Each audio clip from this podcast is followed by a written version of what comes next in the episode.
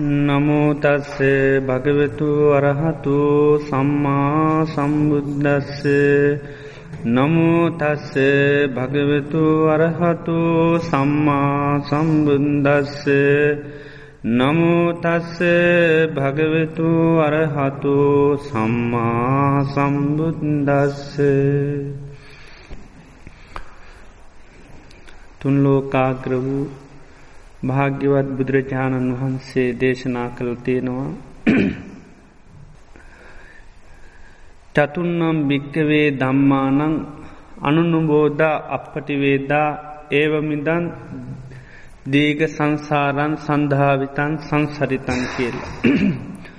චතුන්නන් දම්මානං කැනෙ ධර්මතා හතරක් අවබෝධ කරගත්ති නැති නිසා මේ දීර්ග සංසාරයේ දිගින් දිගට අපත් ඔබලත් පැමිණියා කියල බුදුරජාණන් වහන්සේ දේශනාකුට වදාලා. ඒ තමයි චතුරාර්ය සත්‍යය ධර්මය දුක්ක ආර්ය සත්‍යය සමුදය ආර්ය සත්‍යය නිරෝධ ආර්ය සත්‍යය මාර්ග ආර්ය සත්‍යය කියන මෙන්න මේ චතුරාර් සත්‍යය ධර්මය අවබෝධ නොකරීම හේතුකට ගෙන තමයි අපි මේ සංසාරයේ දීර්ඝ කාලයක් පැමිණිලා තියෙන්නේ. බුදුරජාණන් වහන්සේ නමක් ලෝකයේ පහළ වෙන්නෙත් මෙන්න මේ කියන චතුරාර් සත්‍යය ධර්මය ලෝකයට පෙන්වා දෙන්න ලෝක සත්‍යයාට අවබෝධ කරලා දෙන්න තමයි බුදුරජාණන් වහන්සේ නමක් පහළ වෙන්නේ. උන්වහන්සේගේ ඉලක්කයත් ඒකයි. නිතරම උන්වහන්සේ මේ චතුරාර් සත්‍ය ධර්මය අවබෝධ කරන්න තමයි උත්සාහවත් කරලා තියෙන්නේ. ඒක තමයි වටිනාම ක්‍රියාව හැටියට නිතරම පෙන්යන්නේ. එක් අවස්ථාවක බිසුන් වහන්සේලාට ගෙන් අහනවා මහනැනි කෙනෙකුගේ ශරීරයේ ගිනි ගන්නවා. මේ ශරීරයේ ගිනිගත්හාම මොකදද ඉක්මන්ටම කළ යුතු දේ කියලකි.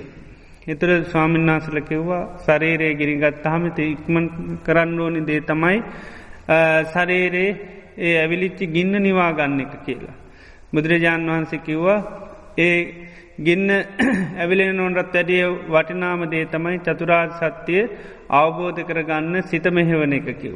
ගින්න ඇවිලෙන්ඩ ඇරල්ලා චතුරා සත්‍ය අවබෝධ කරගන්න මහන්සි ගන්නන එක තමයි කළ යුතු වටිනාමදේ කියන. ඒ තරම්ම එතොට අනිත් වැඩකටයුතු ගැන කියන්නම දෙයක් නැහැ.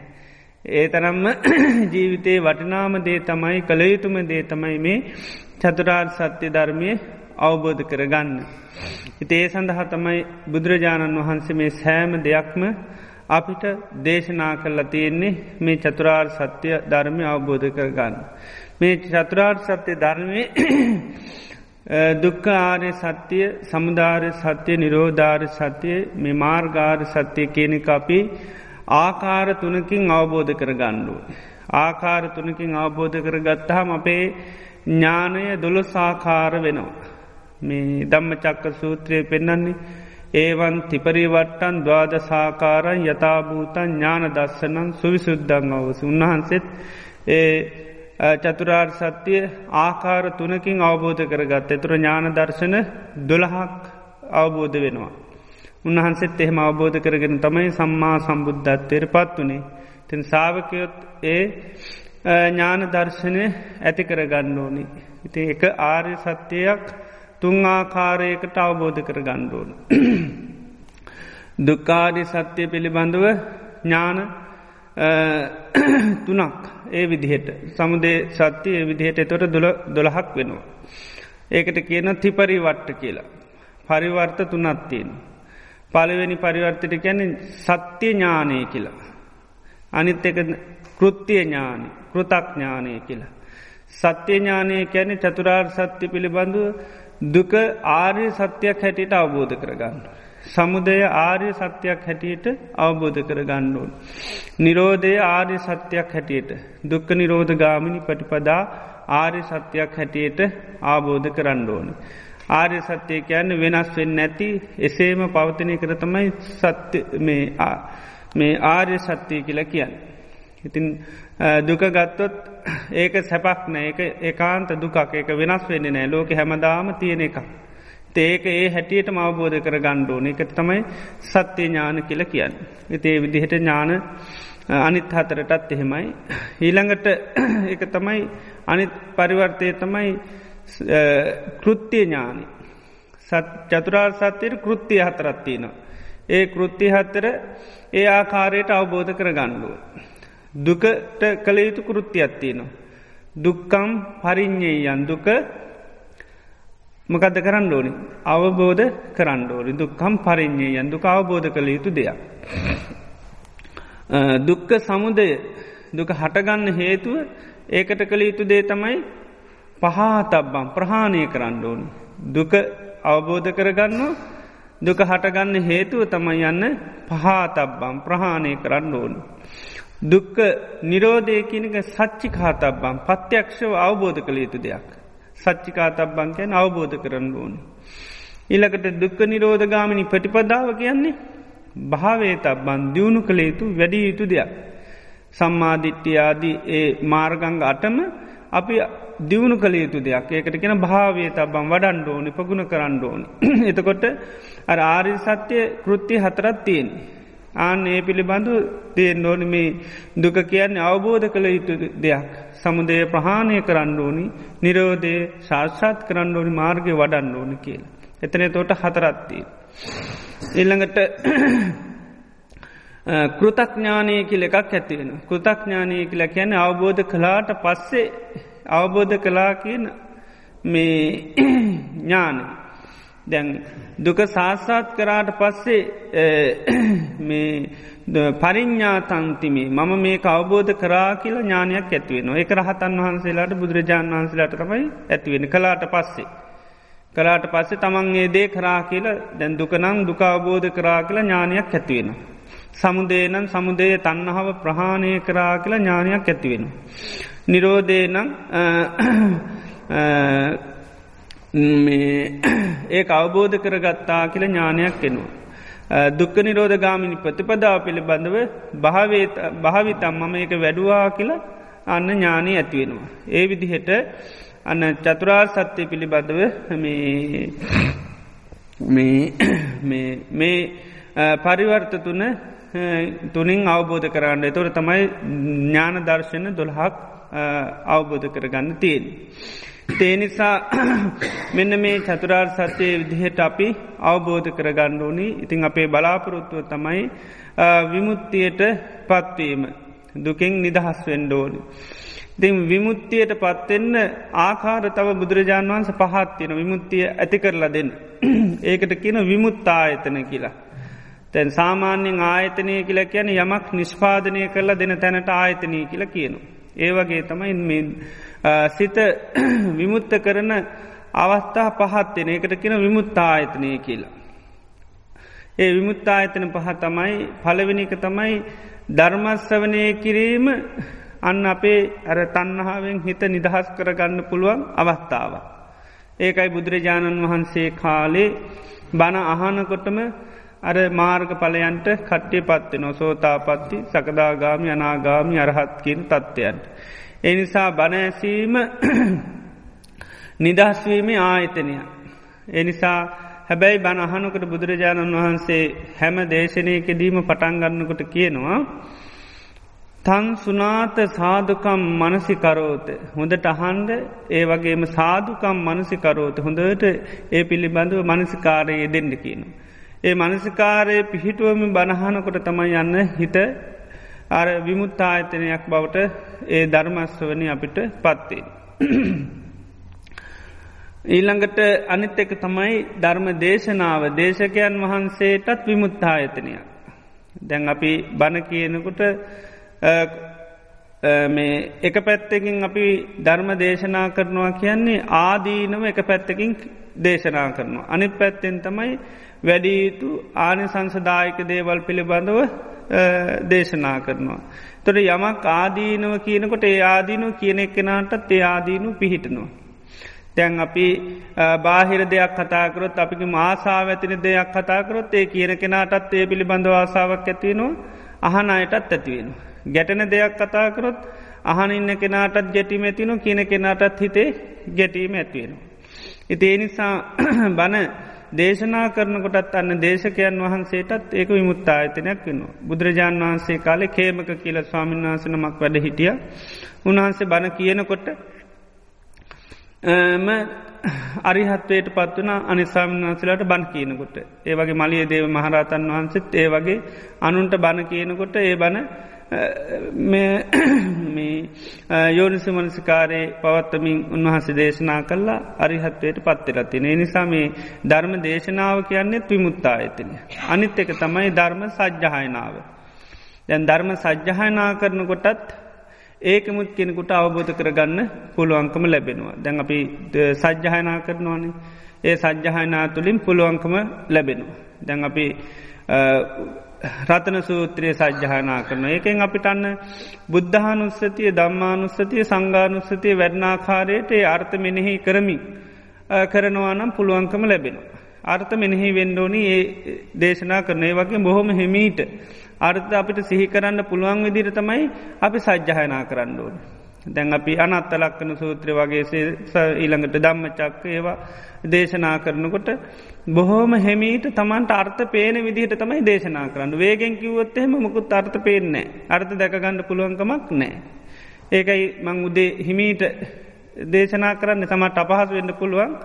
නමුත් එතකොට තමයි අර්ථ. දැන් අපි පලවිනිය එක තියෙන්නේ යංකිංචි විත්තං ඉදවාහුරංවා සග්ගේ සුවායං රතනම්පනීතං නනෝ සමං අත්තිතතාගතේන ඉදම්පි බුද්ධේ රතනම් පනීතං ඒතේන සච්චේන සුවත්ති හෝතු. දැන් අපි හිමීට කියන අර්ථ බලන් පුල යංකිංචි විත්තං කැන යම් කිසි වටිනා දෙයක්. ඉද කියන්න මේ ලෝකෙ හුරං කියන්න පරලෝකෙ. සක්ගේ සුවායන් ස්වර්ගය හෝ රතනම් පනීතං යම් වටිනා දෙයක් ඇත්තං. නනෝ සමං අත්ති තතාගතේන තතාගතයන් වහන්සේ හා සමාන වටිනා දෙයක් ලෝකි නෑ. ඉදම්පි බුද්ධේ රතනම් පනීතං මේක බුදුරජාණන් වහන්සේගේ තියෙන මහා වටිනා ආනුභාවයක් රත්නයක්. ඒතේන සච්චේන මේ සත්‍යහානු භාව බලින් සුවත්ති හෝතු යහපතක් වේවා කියලා අන්න සෙත් කරනවා සත්‍යක්‍රියා කරන. හිතේ කියනකොට අන්න අර්ථ දකිනකොට අන්න බුද්ධානුස්සති අපිට පෙන්න බුදුගුණ සමයි අපි සිහි කරන්න. ඊළඟ එකේ දහම් ගෙන තියෙන කයං රාගදේශමෝහ සය කල්ල දානු. කයං කියන්නේ එකයි. කයම් විරාගං කියන්නේ නොවැල්ම ඇති කරලා දෙනවා. විරාගං. අමතං අමා නිවන ළඟා කරලා දෙන. යමතම් පනීතං ඉතාමත්ම පනීතෝ යදජ්ජගා සක්‍ය මුණී සමාහිතෝ. සමාහිත සිත් ඇති සාකි මුණීන්ද්‍රයන් වහන්සේ යම් ධර්මයක් දේශනා කරනන් අන්නේ ධර්මී තමයි අර රාගදේශමෝහ නැති කරල දානො කයන් විරාගං කියන්නේ නිතරම නොයල්ම තමයි ඇති කරල දෙන්නේ. ඒ වගේ මමුෘර්තය ලබා දෙනවා. ඉතාමත්ම ප්‍රනීත ඒ ධර්මය. නනෝ නතේන දම්මීන සමත්තිකින්චේ ධර්මය හා සමාන තවත් දෙයක් ලෝකෙ නැහැ. ඉදම්පි දම්මේ රතනම් පනින්ට මේක ධර්මී තින මහා වටිනා ආනුභාවයක් රත්නයක් ඒතේන සච්චේන සුවත්ති හෝතු. ඒකින් යහපතක් වේවා කියල් අන්න ඒ විදිහට අපේ සත්‍යයක් මේ සජ්්‍යහයනා කිරීම තුළත් අපිට ධර්මය අවබෝධ කරගන්න පුළුවන්. තවත් අනත්ත ලක්වන සූත්‍රයම සජ්්‍යහනා කනොට අනාත්මී කියන එක අපිට අවබෝධ කරගන්න පුළුවන්. තේ අර්ථ මෙනෙහි වෙන විදිහට තමයි අන්න සජ්්‍යහනා කරන්න ඒකත් යෝනිසෝ මනසිකාරයේ ඇතිකර ගනිමින් තමයි සජ්්‍යහනා කරන්න. තිම් බුදුරජාණන් වහන්සේ කාලෙ සමහරු සජ්්‍යහනා කරනකොට අනැත්තන් සජ්්‍යහනා අහන ඉන්න කොටත් මේ ධර්මය අවබෝධ කරගෙන තියෙනවා. ඊළඟ එක තමයි ධර්ම සම්මර්ශනී. ධර්මය පිළිබඳව විමසීම කරන. විමසීම කරනකොටත් අවබෝධ කරගන්න පුළුවන්කම ලැබෙනවා.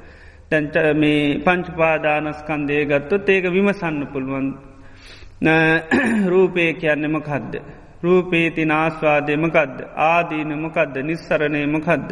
ඒ විදියට විමර්සනකොට අන්න ඒ රූපේ පිළිබඳ යං අවබෝධිකට අපි පත්වෙන. ඒ විදිට ධර්ම සම්මර්ශණය කරන්නක් පුළුව.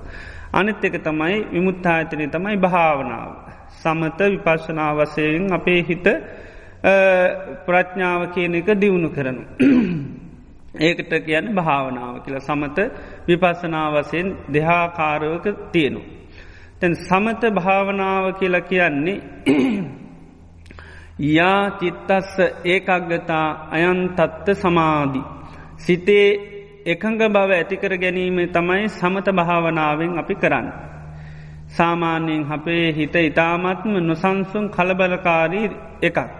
ඒ කලබලකාරී විවිධදේ කරන හිත එක එකකට හුරු කරනවා එක දෙයක් කරන්න පුහුණු කරන එකට තමයි සමත භාවනා කියලා කියන්නේ. දැන් සාමාන්‍ය සමාජය අපි පස්න ඇති උනහම කියන සමත මණ්ඩලයකට දානවන් නේද. ආරවුල් ඉස්ලන්න සමත මණ්ඩලයකට දාන. ඒ මේ වචනම තමයි යරන්තිය.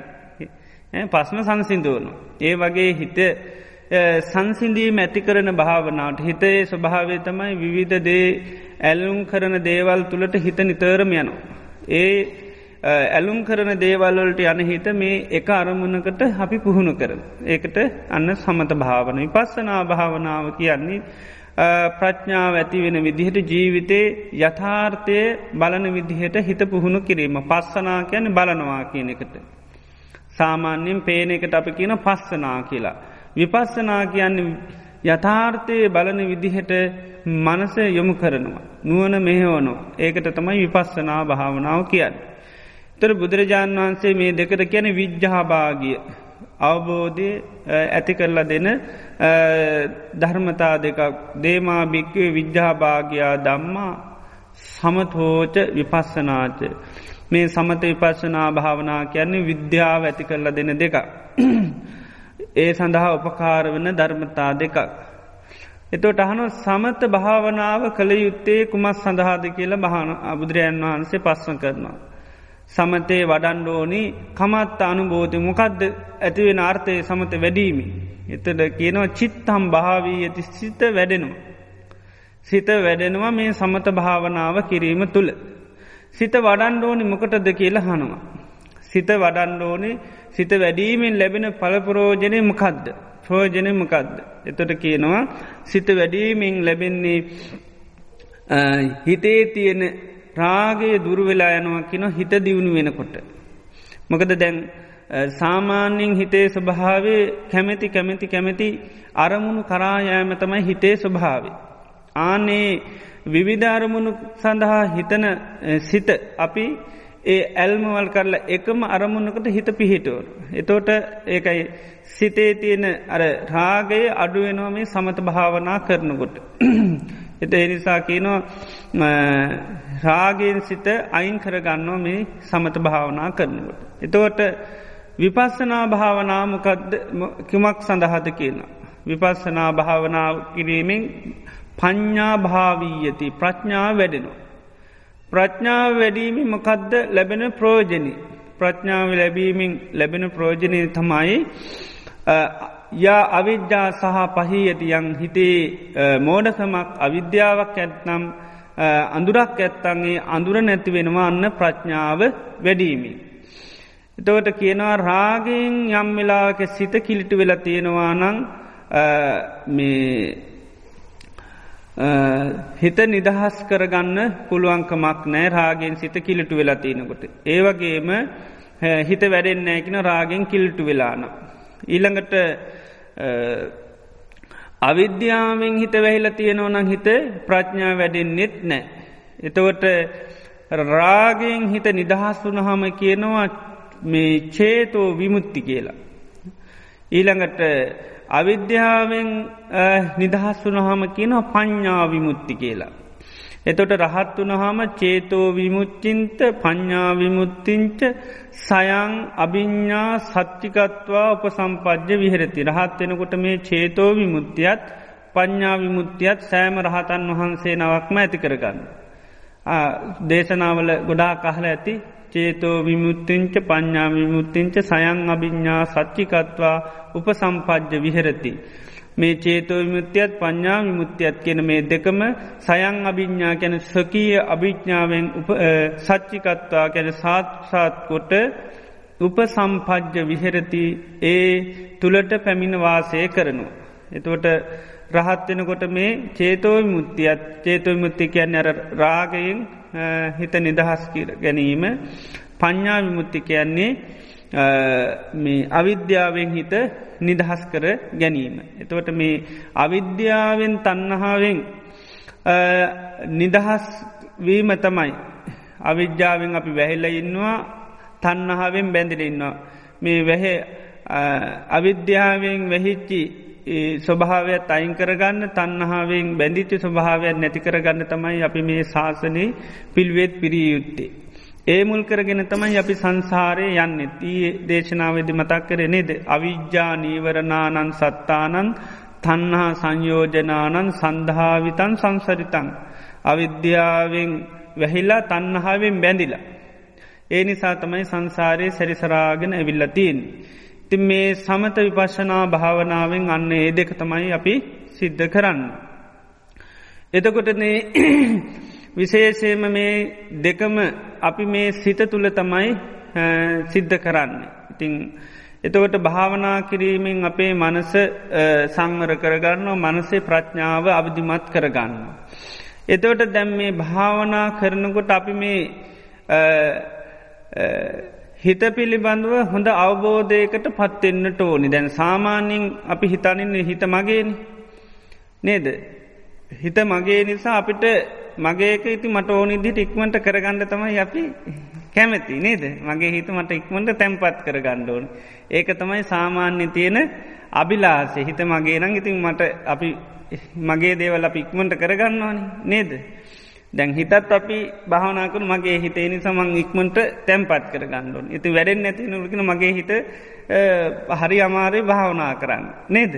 දැන් හිත ස්වභාවය හඳුනාගෙන තමයි අපි භාවනාවට වාඩිවෙන්ඩෝන එතකොට මේ අපිට අර මේ එක පාටම කැන කලබලකාරිත්වයක් එහෙම ඇත්තං එපාවීමක් වෙන්නේ නෑ තැහිතේ ස්වභාවය හඳුන ගන්න යමක් ස්වභාවය හඳුනාගෙන ඒදේ සිද්ධකරොත් අපිට බොහොම පහසුයි. ස්වභාවය හඳුනාගෙන නොකරොත්තේම අපිට අපහසු දැම් පුද්ජලයකුණත් ස්වභාවය හඳුනාගෙන ඇසුරු කරනකට පහසුයි. ස්වභාවය දන්න ඇතුව මවාගෙන මේවකරොත් එහෙම මේ සමහරලාට එයාගේ ස්වභාව මතයනකොට අපිට පුළංකමක් නෑ එතකොට මූුණදින්. ඒ වගේ හිතේ ස්වභාවය හඳුනාගෙන තමයි භාවනා කරන්න ඕනි. තැම් බුදුරජාණන් වහන්සේ හිතේ ස්වභාවය පෙන්න්නන්නේ පන්දනං චපලංචිත්තන් දුරක්කන් දුන්නිවාරයන් උජුංකරෝති මේදාවී උසුකාරෝව චේදනං. පන්දනංකැන හිතේ ස්වභාවතම සැලෙන එකක්. එක විදිහ තියෙන එකක් නෙවේ. පන්දනන් චපලංකයන්නේ ස්තීරත්වයක් හිතට නෑ. ස්තීර දේකට තියන්න හැදුවට හිතේ ස්තීරත්වයක් නෑ දැන් අපි භාවනාවට හිත පිටුවන්ද ගත හිතේ ස්තේරත්වයන්නේ නිසා හිතන්න වෙනස් වෙලා යනවා. පන්දනන් චපලක් කියන්නේ එකයි. දුරක්කං කැන රකින්න බැරි එකක්. ලේසියෙන් රැකගණ්ඩ බෑ. දුන්නිවාරයන් කැන වලක් අණ්ඩක් බෑ. දැන් හිත කැමැති බාහිර අරමුණුවලටයන් ඒක ලේසියෙන් වලක්වන්න පුළුවන් එකක් නෙවේ. දැම් මේක මේ හැමෝටම පොදු ස්වභාවයක් හිතක දැම් මේක මේ එක්කෙනෙකේ නමත් දාලා කියරනෑ දේවදත්තා හඳුරුගේ නම දාලා කිවන්න ගන්න අපිට නේද නොසන්සුම් පුද්ජලෙකුර තියෙන දෙයක් තමයි කියලා හිතන්න පුළුවන් නේද. එහෙම කාගවත් නමක් ගමක් නෑ.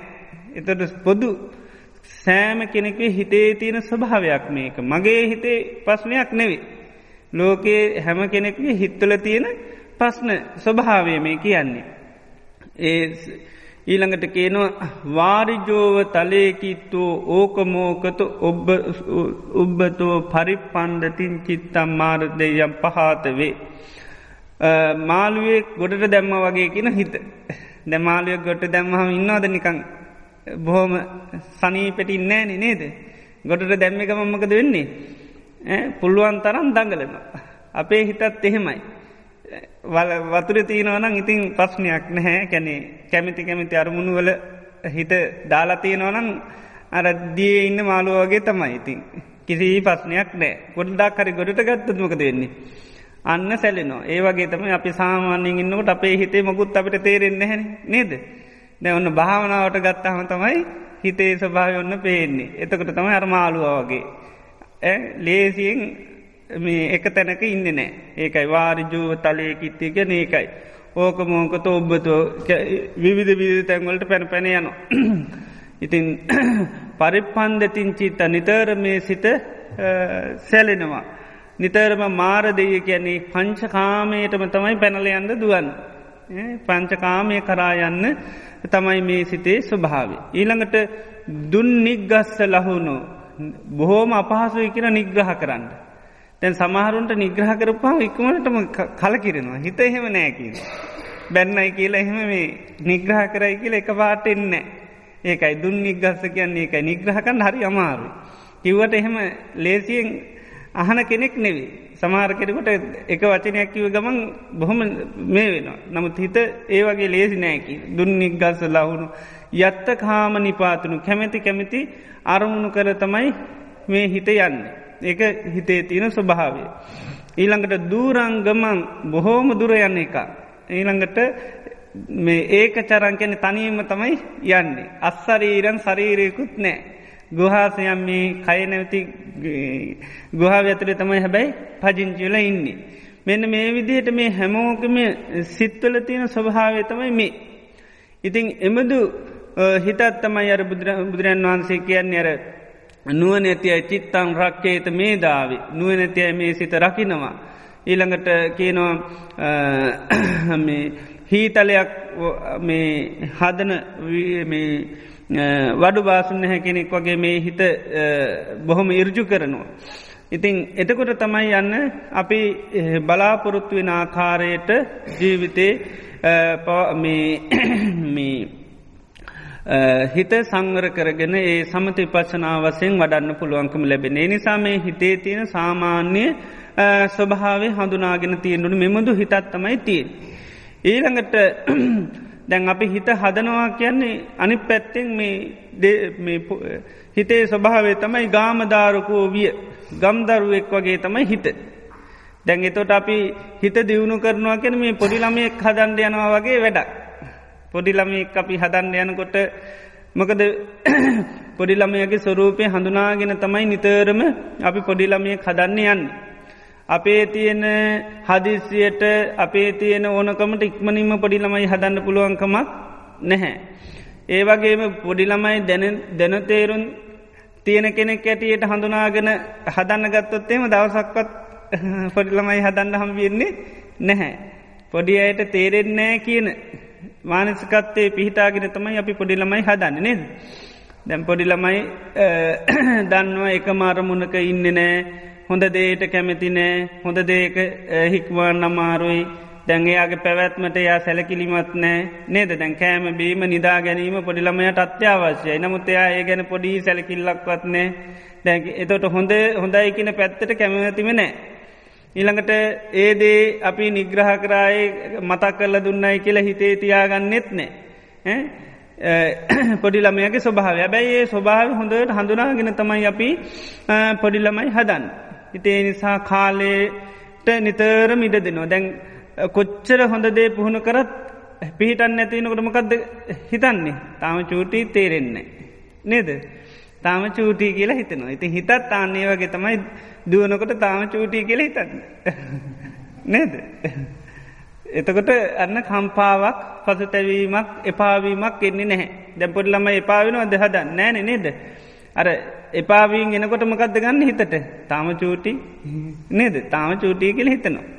එතකොට අන්න අර ඒ ක්‍රියාව එපාවෙන්න දිගටම අතහරින්නේ අපි කාලයක් එක කොහමරි මෙම කරනවා.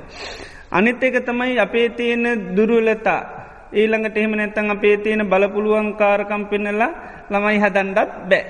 නේද. දැන් අපි කියන ළමය හැදෙන්නේ දැන් පැත්තකට ගිල් අන්ඩනවා. හැදයිද. ඒත් හැදෙන්න හැ නේද. අනිත් එක තමයි මේ මැසිවිලිනාගෙනවා කිය අනේ කවද හරියයිද මේ ළමය නේද ද එහෙමත් බෑ නේද. අනිත් එක තමයි තරවටු කරලා තර්ජනීම නේද? තමන්ගේ බලයෙන්ම හදන්ඩ යන ඒත් පුළුවන්ද. ඒත් බැහැ. එහෙනම් අපි නිතරමම කද කරන්නේ? උපක්‍රම කරනවා නේද. දැන් නිදාගන්ඩකිවොත්තේම සැර කල නිදාගන්නේ නේද. අඩ නෝ නිදාගණ්ඩිකල ඒත් අනම් නිදාගන්න නේ දම් අඩට මෙහෙනම නිදාගන්න ඕනි කියලා. නේද? ඒත් නිදාගන්න හැන නේද? අම්ම දුක්කෙන වනේ කම්පාාවෙනවම නිදාගන්නෑ කළ ඒත් නිදාගන්නවාද? නැහැ. අපි මොකක්ද කරන්නේ? නිදාගණ්ඩෝර්නම් නිදාගණ්ඩ ඕනි නොට කතාන්තරයක් කියන සමාට නේද. එහෙම නැත්තං ගීත කියනනේ නැලවිලි ගී කියන්නේ නේද. ඒවා පාවිච්චි කරන නේද. ඒ වගේ අර නිතරම බලන් උපක්කම සීලීව තමයි දේවල් කරන්නේ කවන්න ගියත්හෙම එලිය පහල් තරංගිල්ල ගස් කොල්ලම් පෙන්න්න පෙන්න්න තමයි කටට දාන්හිමීට නේද. එක පට්ට දාන්න ගියොත්තේම කැමති නැහැ. ඉති අන්නේ වගේතා මේ හිතත් බොහෝම එක පාට සමහර දේවල් දාන්නගයාට ගන්න. ඉති ඒ නිසා බොහොම උපක්‍රම සීලි වානිසංස කිය කිය වටිනාකම් කිය කිය තමයි මේ හිතටත් මේ භාවනාව කියන එක අපි පුරුදු කරන්න ඕන්. අපි දැන් කම්පාවනායකි අනේ මගේ හිත තැන්පත්වෙන්නේ කියන අනේ හිත එන්න ආයහනම්මං අදරන්නම් භාවනා කරන්න කියල එන්න. නේද. අපි කම්පාවනා කියලා. ඉළඟට සැලුනාය ඇඩුවාය තර්ජනය කරයි කියල ඒකින්වත් හිත මෙල්ල වෙලා එන්නේ නෑ. අපිටත් කියන්නේ උපක්කම සීලීව කරන්න ඕන අර විසාකාවට කියන්නේ. උපක්කිලිට්ටස්ස විසාක චිත්තස උපක්කමේන පරියෝධප නංහෝති. උපක්ලේශවලින් කිලිටි වෙච්චි හිත උපක්‍රම ශීලීවතමයි ඒක මේ පිරිසුදු කරන්න තියෙන්. තේ නිසා විවිධ උපක්‍රම කරන්න ඕන මේ හිත දමනය කරන්න. ඒවගේම හිත කියන්නේ අනි පැත්තෙන් ගත්තහම මේ ගවයෙක් වගේ තේරෙන්නෙම නැති කෙනෙක් තමයි හිත. දැන් ගවයෙක් පාලනය කරන ගොපල්ලා දැන් ගවයාගේ ස්වභාවය හඳුනාගෙන තමයි ගවයාව පාලනය කරන්න ගන්න දැන් තේරෙන කෙනෙක් ඉක්මනට ඉගෙන ගන්න කෙනෙක් කියල ගන්නවාද. සතියෙන් දෙකින් ගන්නන්න ගවයක් ගන්නවාද නැහැ. එයා දන්න ජීවිතාන්ද දක්ව පිටි පස්ස ඉන්ඩුවෙන හරකගේ. නේද. ඇති ඒනිසා මේ ගොපල්ල හොඳ අවබෝධයකින් තමයි මේ ගවයව මේ හසුරුවන්ඩ ගන්න. එනිසා නිතර මෙයා පිටි පස්ස ඉන්න. නියරක මැරයි යනවන නිතරම පිටි පස්ස ඉඳගෙන පුදුම අවධානකින් තමයි යන්නේ. මකද ගවයාගේ ස්වරූපේ තියන්නේ මොකුත් දන්න. දැයා නියර යනුවනම් පුළුවන් තරම් හොම්බ දාන්ඩියන්නේ මොකේටද. ගොයමට තමයි හොම්බ දාන්ඩියන්නේ. හැබැයි ගොපල්ල තමයි දන්න මේක හොඳ වැඩක් නෙවේ දෙන්නම දනුවන් ඉදින වැඩක්. හර හරකටත් දනුවන් ඉදින්ටනවා මටත් දනුවන් ඉදින්ට වෙනවා. ඇති ඒ නිසා ගොපල්ලමකද කරන්න නිතරම කෙවිටක් හොම්බට ගහලා මතක් කල්ල දෙනවා තනකොළ කණ්ඩ තහන. ළඟතියන මනද ගොයම කන්න තාන ළඟතියන තනකොළ තමයි කණ්ඩෝඩි. නමුත් හරක කැමිති නිතරමකටද. තන ගොයමට තමයි කැමති. එතවට ටිකක් වෙලා ගෝට පාර සැරවැදුන හම ඉතින් ඔන්න හොඹ දාන්නතු යන තව ටිකක් ටිකක් කලෑනට අයහමතක අය දාන්න. ආයත්ත තෝට ගොපල්ල මතක් කරලා දෙනවා. දැන් ගොපල්ලට එපා වෙනවාද. එපා වෙන්න හැ නේ දෙයා දන්න මොක හර තේරෙන්නේ ඒකන පිටිපස් ඉන්ඩ වෙලා තින් පිටිපස් ඉන්ඩ වෙලා තින තේරෙන් නැති නිසා නැත්තඟ තනීයවන්න පුළුවන්නේ පිට පස්සේ ඉඳලා පාලනය කරන්න වෙලා තින නොතේරෙනකුන් නිසා. එනිසා යා කොච්චර මතක් කරලා පිට ගියත් ගැන හොම්බ දැම්මත්තයා නිතර නිතර මතක් කර කර දෙනවා. එයා ඒකට කම්පා වෙන්නේ සැලිනෙන අයු ඊය ජැහවා දැන් මේ මාස ගානකින්ද මේක නේද. එහෙම මේකක් නෑ. නිතරම දන්න තමන් පිටි පස්ස ඉඳලා නේද. අන්න මතක් කරලා දෙන්න ඕනි කියලා. ඉති ඒ නිසා එයාගේ කාරි භාරය එක තමයි. ආනේ වගේ තම හිතත්. අපිට තියන්න දැන් හිත කොච්චර ගියත් කමන්න. හිතේ ස්වභාව යනකනේ අපිට තියෙන කෙවිටි පාරක් ගහලා අය ගන්න. ආය භාවනා පිහිත්ම ආය විනාඩි පාකින් අයත් යනවකින් ආයත් ගන්න. මොක ද අපි කම්පාවනයි සැලුනයි කියල නැදර ගොපල්ල කම්පාවනය සැලුනය ඒවයි මුකුත් බැහැයාට කරන්න. එයා දන්නුව කොච්චර මතක් කර කර කර කර මේ එයට දෙන්නඩෝඩ ඉතින් කාලයක් යනකොට හැබැයි නිතරම හොම්බදානකොට වදිනකොට තේරෙනට මේ ගොයමන මේ හොම්බදාන්ඩෝඩීකක් නෙවේ කියලා. ළඟ තියන තනකොළ තමයි කණ්ඩ තියන ඒ වගේ තමයි හිතටත් දැන් අපිගේ මාස්වාස පාස්වාසය දැන් නෙ කරන්නේ. ඒක දැන් ඉන්න නිතරම අතීතයට යන එහම නැත්තන් අනාගතර හොම්බදාන්න තමයි බලන්න. එන්නක එතකට අපි නිතරන මතක් කරල දෙනවන හිතට. එතකොට අන්න ළඟතියන හුස්මදිහ තමයි බලානින්න අවසර තියෙන්නේ. එහනේද දැන් නීරතියන තනකොල කකා යන්න පුළුවන් දෙපැත්ත දින දේට යන්ඩ තහනම් කියනක ටික වෙලාවක් යනකොට ටික කාලයක් යනකොට හර අවබෝධ කරගන්න වගේ තම හිතත්. ළඟතියන හුස්ම වලන්ඩ තමයි තියෙන්නේ. පිට තියනව බලන්ඩ යන්ඩ තහනම් මකද ඒ යනකොට ගහල ගන්නවන ඒ වගේ අපිටත් තියන්නේ එකයි භාවනා කරනුට හිත කොච්චර ගියත් අර කම්පාවෙන්ඩ හොඳ නෑ අපට තියෙන්නේ සීහ පිහිටුවාගෙන මං මේ භාවනා කරන්න මේ භාවනාවෙන් තමයි මට සැනසිල්ල තියෙන මේ දේවල් හිතීමෙන් මට බොහොම දුක දුම්නස කනගාටු පසු තැවීම ඇතිවි නොමි සක්කා සහනයක් නෑ. භාවනාවෙන් තමයි තියෙන්. ඉතිේ නිසා පිට යන්න යන්න සීහ පිහිටෝ පිහිටු ආයායමත් ගන්න. ඒ නිසාර කම්පාවනාය සැලුනාය මේ කියල කවදාකවත් හිත හදාගන්න බෑ ස්වභාවය හඳුනාගෙන තමයි ඉතින් හරකෙක් හදන්න කියලා හොඳටම අවබෝධ කර ගණ්ඩෝලි. ඇත්තටම හිත කියන්නේ හරකෙක් ඉති. නේද. නැත්තන් ඉති නරක දේවල්වලට යන්න නැහැ නැති නේද. මේ ළඟ තියෙන දේ තියද මේ හොඳ දේ අතඇල්ල නිතරම යන්නේ නොතේරුම්කම නිසා. එනිසා මේ ගවේ පාලනය කරන වගේ කුළුහරකෙක් හදනව වගේ කියලා කියන්නේ එකයි. ඉතිේ නිසා මේ ගොපල්ල තමයි සිහිය. ගොපල්ල තමයි සීය සීයෙන් තමයි නිතරම දෙන්නේ මතක් කරලා. ඒකයි අවධානයම ඉන්ද ඉඳගෙන මතක් කරලා දෙනවා ගොපල් අහක බලිවත් තැබයි පයිනවා. නේද එතට ඔන්න මේ ගොයමට ගිල්ල ඉතින් එතකොට ගොපල් ආය ගිල්ල නේද? ඒ ගහල ගන්න ආන්නේ වගේ තමයි අපි සිහිය තොර වුණා ඔන්න භාවනාවනේ වෙන කොහැරි ගිහිල්ල දූරංගමන් සමහට ගිහිල්ල. හෝ දුරගමන් හෙම නැත්තා යත්ත කාමනය කැමති අරමුණුවලට ගිහිල්ල. සාමාන්‍යෙන් එදිනෙදා පාවිච්චි කරන දේවල්ලට ගිහිල්ල. එතකොට කම්පාාවෙන්ඩ පා සැලෙන් දෙපා තියෙන්නේ තමන්ගේ රාජකාරී තමයි අන්න අර අරමුණට ගෙනක පල්ල වගේ කම්පාවෙන්න සැලෙන්න මමුූට ඊයත් ජව්වා. මේක වනම් හරියන වැඩක් නෙවේ එහෙම නෑ. එයා දන්නවා මගේ කාරී භාරය ඒ වගේ සිහේ කාරි භාරය තමයි සීකර කර කර අරමුණට ගන්න. ඒකන භාවනා කරනකොට සීය තමයි ගන්න. ඒකන සති පට්ටහන කැන්නේ නිවන්දකින්ට ඒකායන මාර්ගමකක්ද සිහිය. ඒ ඒ නිසා අපිට තියනන්න සීහ පීටවාගෙන දකින්නේ දැනෙන්නේ කොයි වෙලේ දෙත්තනිදී කම්පාවෙන්න සැලෙන නැහැ. අන්න ආයෙත් මතක් කරලා පොඩි කෝටු පාරක් ගහලා මතක් කරල ගන්න. ඉති ඒක තමයි කරන්තියෙන්. එතකොට අන්න කලබලයක් මේකක් නැහැ. එතකොට අපට බොහොම පහසුවෙන් පුළුවන් එතෝට අර එපාවීම කවදාකත් ඇතිවෙන්න මකද සමාරලාට සමාරහරක් මැරණකම් ඉන්ඩ වෙනවා. සමහරහරක් නං ඉක්මට හැදෙන්න්න පුළුවන්. නේද. ඉතින් ඒ නිසා එතකොට ඒ තේරුම් ගත්තහම ඇත්තටම භාවනා කරන්න ඉතාමත්ම පහසුයි. ඒ ස්වභාවෙන් හඳුනා නොගත්තොත් අපිට අපි හිතන්නේ කර්මස්ථානය වැරදි නේද එහම නැත්තම් මග මොගක් හරි කර්මයක්ද නේද. ඒ විදිහ විධ විදිහට එනවා මේක බාධා කරන්න ගොඩාක් ඊට පස්සේ නීවරණය ඇත්තමයි හිතෙන්නේ අනේමං කොච්චර භාවනා කරත් මගේ හිත වැඩෙන්න එතුට ඒක නීවරණයක්. එතෝට අර දැන් කරන්න ඕනි ක්‍රියාව අතහැරල ඊට පස්සේ පසුත වෙන එක තමයි කරන්නේ. මට මේ හරියන වැඩක් නෙවේ කියලා විධ විදිට හිතනවා ඊට පස් හිතන එනම් වෙනත් ස්වාමිනාස නමක් කම්බිල කමතන් ගණ්ඩෝන් නේද ඒ විදියට තමයි ඊට පස්සේ එන්නේ නැත්තම් මට කරන්න බැරි දෙයක් කියල හිතනවා. නමුත් අපි යන්න ස්වභාවය හඳුනාගන්න ගත්තාම අපි කාලයට නිතරම ඉඩ දෙනවා ඊළඟට දන්නවමකක්ද කරන්න කියලා නේද. අන්න එතකොට අට පොඩිලා මේ කදනවගේ හරකය කදනවා වගේ ඉතාමත්ම දෙයක්.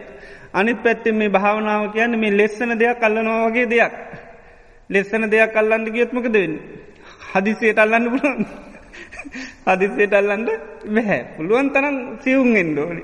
ඒකයි. ඒවගේ තම භාවනාවට අපි සිවුම් වෙන විදිහට තමයි තියෙන් අපේ කලබලයට කිසිම භාවනාවත් දියුණු කරන්න බෑ. ඒකයි. ඒකට පුළුවන් තරම් අපි සියුම්ෙන් ඩෝනි බොහෝම මේ එතකොට තමයි අර ලෙස්සන දෙයක් කල්ලන්න පලේ වගේ තම භාවනාව කියන එකත් ත්‍යානය ස්වභාවය හඳුනාගත්තහම අපිට භාවනා කරන්න පුළුවන්. ඊළඟට තමයි මේ භාවනා මනසිකාර දියුණු කරනකොට බුදුරජාණන් වහන්සේ සතිපට්ටාන දේශනා කරනවා ධර්මතා තුනක් එක්ක තමයි තියෙන්. එකක් ගැන මං දැන්කිව සිහිය ගැන අනිත් එක තමයි ආතාපි සම්පජානෝ සතිමා. ආතාපි කියන කෙලෙස් තවන වීරිය තියෙන්ඩෝන්. සතිමා කියන සිහිය. ඊළඟට සම්පජානෝ කියන නුවන. සිහිය වීරිය නූනත් එක තමයි සෑම භාවනාවක්ම ඇති කර ගණ්ඩෝනි පුරුදු කරන්න ඕනි. දැන් ආශවාස පාර්ශවාස කරනකොට ඒ පිළිබඳ හොඳ අවධානයකින් හොඳ සිහියකින් වීරියකින් කරන්න ඕනි. තින් වීරියෙන් තමයි අපි දිගින් දිගට අරමුණේ මේ සිත් අලවා වාසය කරන්න පුළුවන්කමතින් වීරියත් එක තමයි ඒක තියෙන්.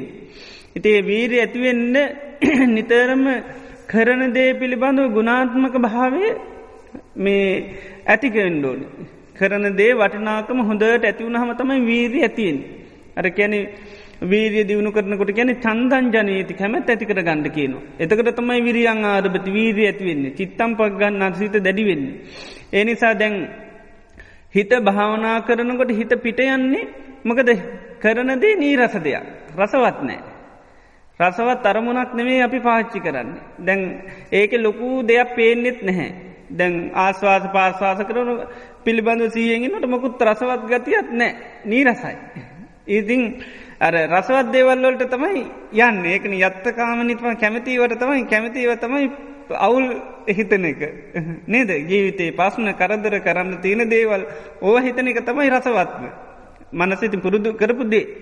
ඉතින් ඒ නිසා මේ අපි භාවනාවට වාඩුන හම නිතරම මේ භාවනාවතින ආනිසංස හිතට දෙන්නඩෝන. හිතට නිතර මතක් කරල දෙන්නඩෝන.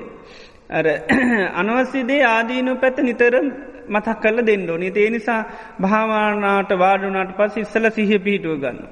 දැම්මම් මේ ඉඳගෙන ඉන්න. හොඳට ඉරියව් පිළිබඳව සිහ පිහිටුව ගන්න. ඊට පසි දැම්මම් මේ භාවනා කරන්න යන්න. මේ භාවනාව තුළින් ලැබෙන ආනිසංස හිතන්ඩුව. මෙල වසින් අපිට කායික මානසික පීඩා නැතිවෙන භාවනා කිරීම.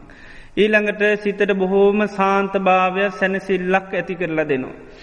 අනිත් එක තමයි ජීවිතේ තියෙන දුක්පීඩා කාදර පස්්නවලින් නිදහස් වෙන්න පුළුවන්.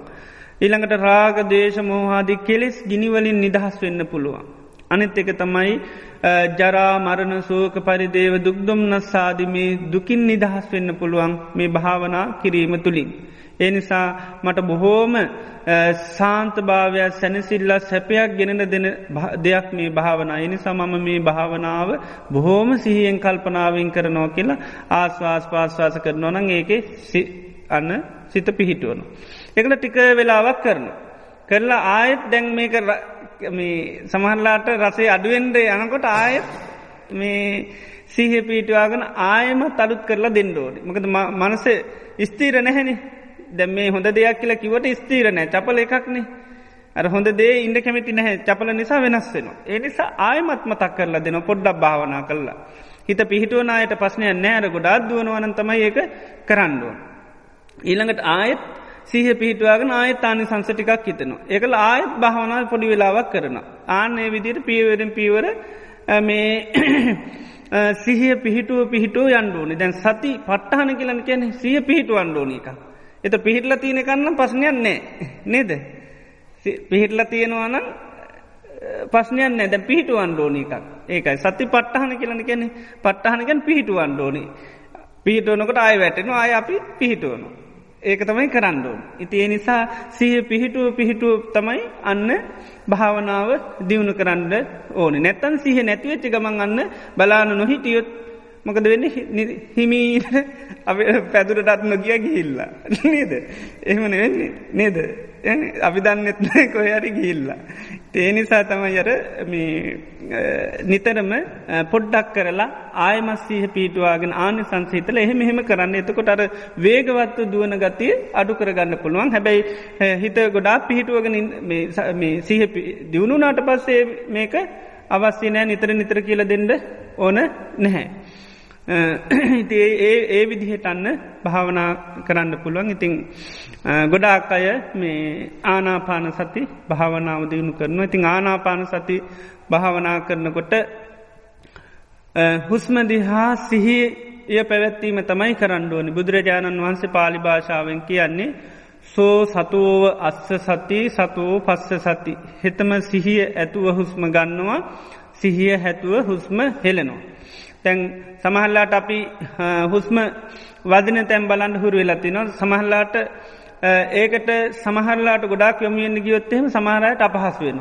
දැ වදින තැන් තේරුන් නැතුනත් ඒකම බලන්ඩ සමහරලාට යොමියෙන එතකොට සමහරලාට හිසේ කැක්කුම ඇති වෙනවා මේ වෙහෙසක් ඇතිවෙන. එනිසා සාමාන්‍යයෙන් කළ යුතු ප්‍රධාන කාරය තමයි සිහිය ඇතුව හුස්ම ගැනීමත් හෙලීමත් තමයි කරන්නඩු හුස්ම ඇතුල්ලෙනට ඇතුල්ලෙන බව දැනගන්නවා පිට වෙනකොට පිට වෙන බව. ඒක තමයි පලවිනි පියවර හැටියට ගණ්ඩෝන එතකොට අර ගොඩහක් වේසක් ගණ්ඩෝන නෑ හුස්ම ඇතුල්ලනට ඇතුල්ලෙන බව දන්නවා පිට වෙනකොට පිට වෙන බව දැනගන්න ඒක තමයි කරණ්ඩෝන. වැදෙන තැන් හැපෙන තැන් සීතල ඒවමකුත් බලන්න යන්න හොඳනෑ. ඊළඟට සමත භාවනා කරනට හොඳට මතකතියාගන්න ඕනි කරන දේ පිළිබඳව පුළුවන් තරම් සිහියෙන් ඉඳීම තමයි කරන්න ඕන. ඒක තමයි සමතයෙන් අපි ලබට පලවෙනි ප්‍රතිඵලේ. කොච්චර වෙලාවක් සිහ පවත්තන්න පුළුවන්ද කියන එකයි. ඒක තමයි දියුණු. වෙනත් අවබෝධර්වමවා වැටහිම් නැතුනාට කිසි පස්නයක් නෑ එන්ඩෝනි දේ තමයි කොච්චර වෙලාවක් මට මේ සිහිය හුස්ම පව පිළිබඳ කොච්චර සිහියෙන් ඉන්න පුළ වෙනත් භාවනා කරන කොච්චර වෙලාවක් ඒක පංචනීවරණවලට එන්න දෙන්නෙම නැතුව හිත පවත්වන්න පුළුවන් ඒක තමයි ඇතිකර ගතයුතු කුසලතා. ඉතේ අවබෝධ කරගත්තට පස්සයයි දවසගානය තව කෙනෙක් තමන්ගේ හිත මේ මේ තත්ත්වයන් යනවා කියලා නොපෙන්න්න පෙන්න්නට අවශ්‍යතාවයක් නැහැ. අපි දැන ගණ්ඩෝනි මගේ දියුණුව තමයි මට කොච්චර වෙලාවත් සිහියෙන් මේ භාවනාව ඉන්න පුළුවන්ද කියන එක. ඒක තමයි අපේක්ෂා කළ යුතු ආනිසන්සේ. වෙනත් මේ දවසින් දවස ලොකු මොනහරි ගණ්ඩතිනවා කියලා හිතා ගණ්ඩ එපා. ප්‍රධාන දේ තමයි කොච්චර වෙලාවක් කොච්චර කාලයක් මේ භාවනාව මගේ සීහ පවත්තන්න පුළුවන්ද. ආනයකට තමයි නිතර උත්සාහවත්වී කරන්න ඕන. ඒක තමයි සමත භාවනාවෙන් අපි කරන්න. ඉතිං ආනාපාන සති ඒ විදිහට වඩන්න පුළුවන්. ඊළඟට මෛත්‍රී භාවනා කරනයට මෛත්‍රී වඩන්න පුළ මෛත්‍රී වඩන කොටත් මෛත්‍රී වඩන්නේ මොකටද කියන එක අපි නිතරම අවබෝධ කරගණ්ඩෝ. ඒ අවබෝධ කරගෙන තමයි මෛත්‍රී භාවනාව වඩන්ඩෝන. දැන් අපි භාවනා වාක්‍යමකදද සබ්බේ සත්තා බවන්තු සුකිතත්තා. සීලු සත්‍යයෝ සුවපත්වේවා කියන මෙස්සිට තමයි පතුරුවන් එතට සිරු සත්‍යයෝ සුවපත්වෙන්න්න මොකකරි පස්්නයක්ත්තයෙන් දොන්න සත්‍යයන්ට නේද? ඒ ඒ අපි දැක ගණ්ඩෝනි දැන් අපි සාමාන්‍ය ජීවිතයේදී මිනිස්සුත් එක්ක නිතරම ගැටෙනවානි නේද? ඒගේ මේ ඒ ගැටීම අඩු කරනතම අපි මෛත්‍රී කරන්නේ. දැ අපිකින් අපි ලෙඩ්ඩුත් එක්ක ගැටෙනවාද? ලෙඩ්ඩු අපිත් එක්ක ගැටනට අපි ලෙඩ්ඩුත් එක්ක ගැටෙන්ඩියනවද නෑ නෙනේද ඇයි?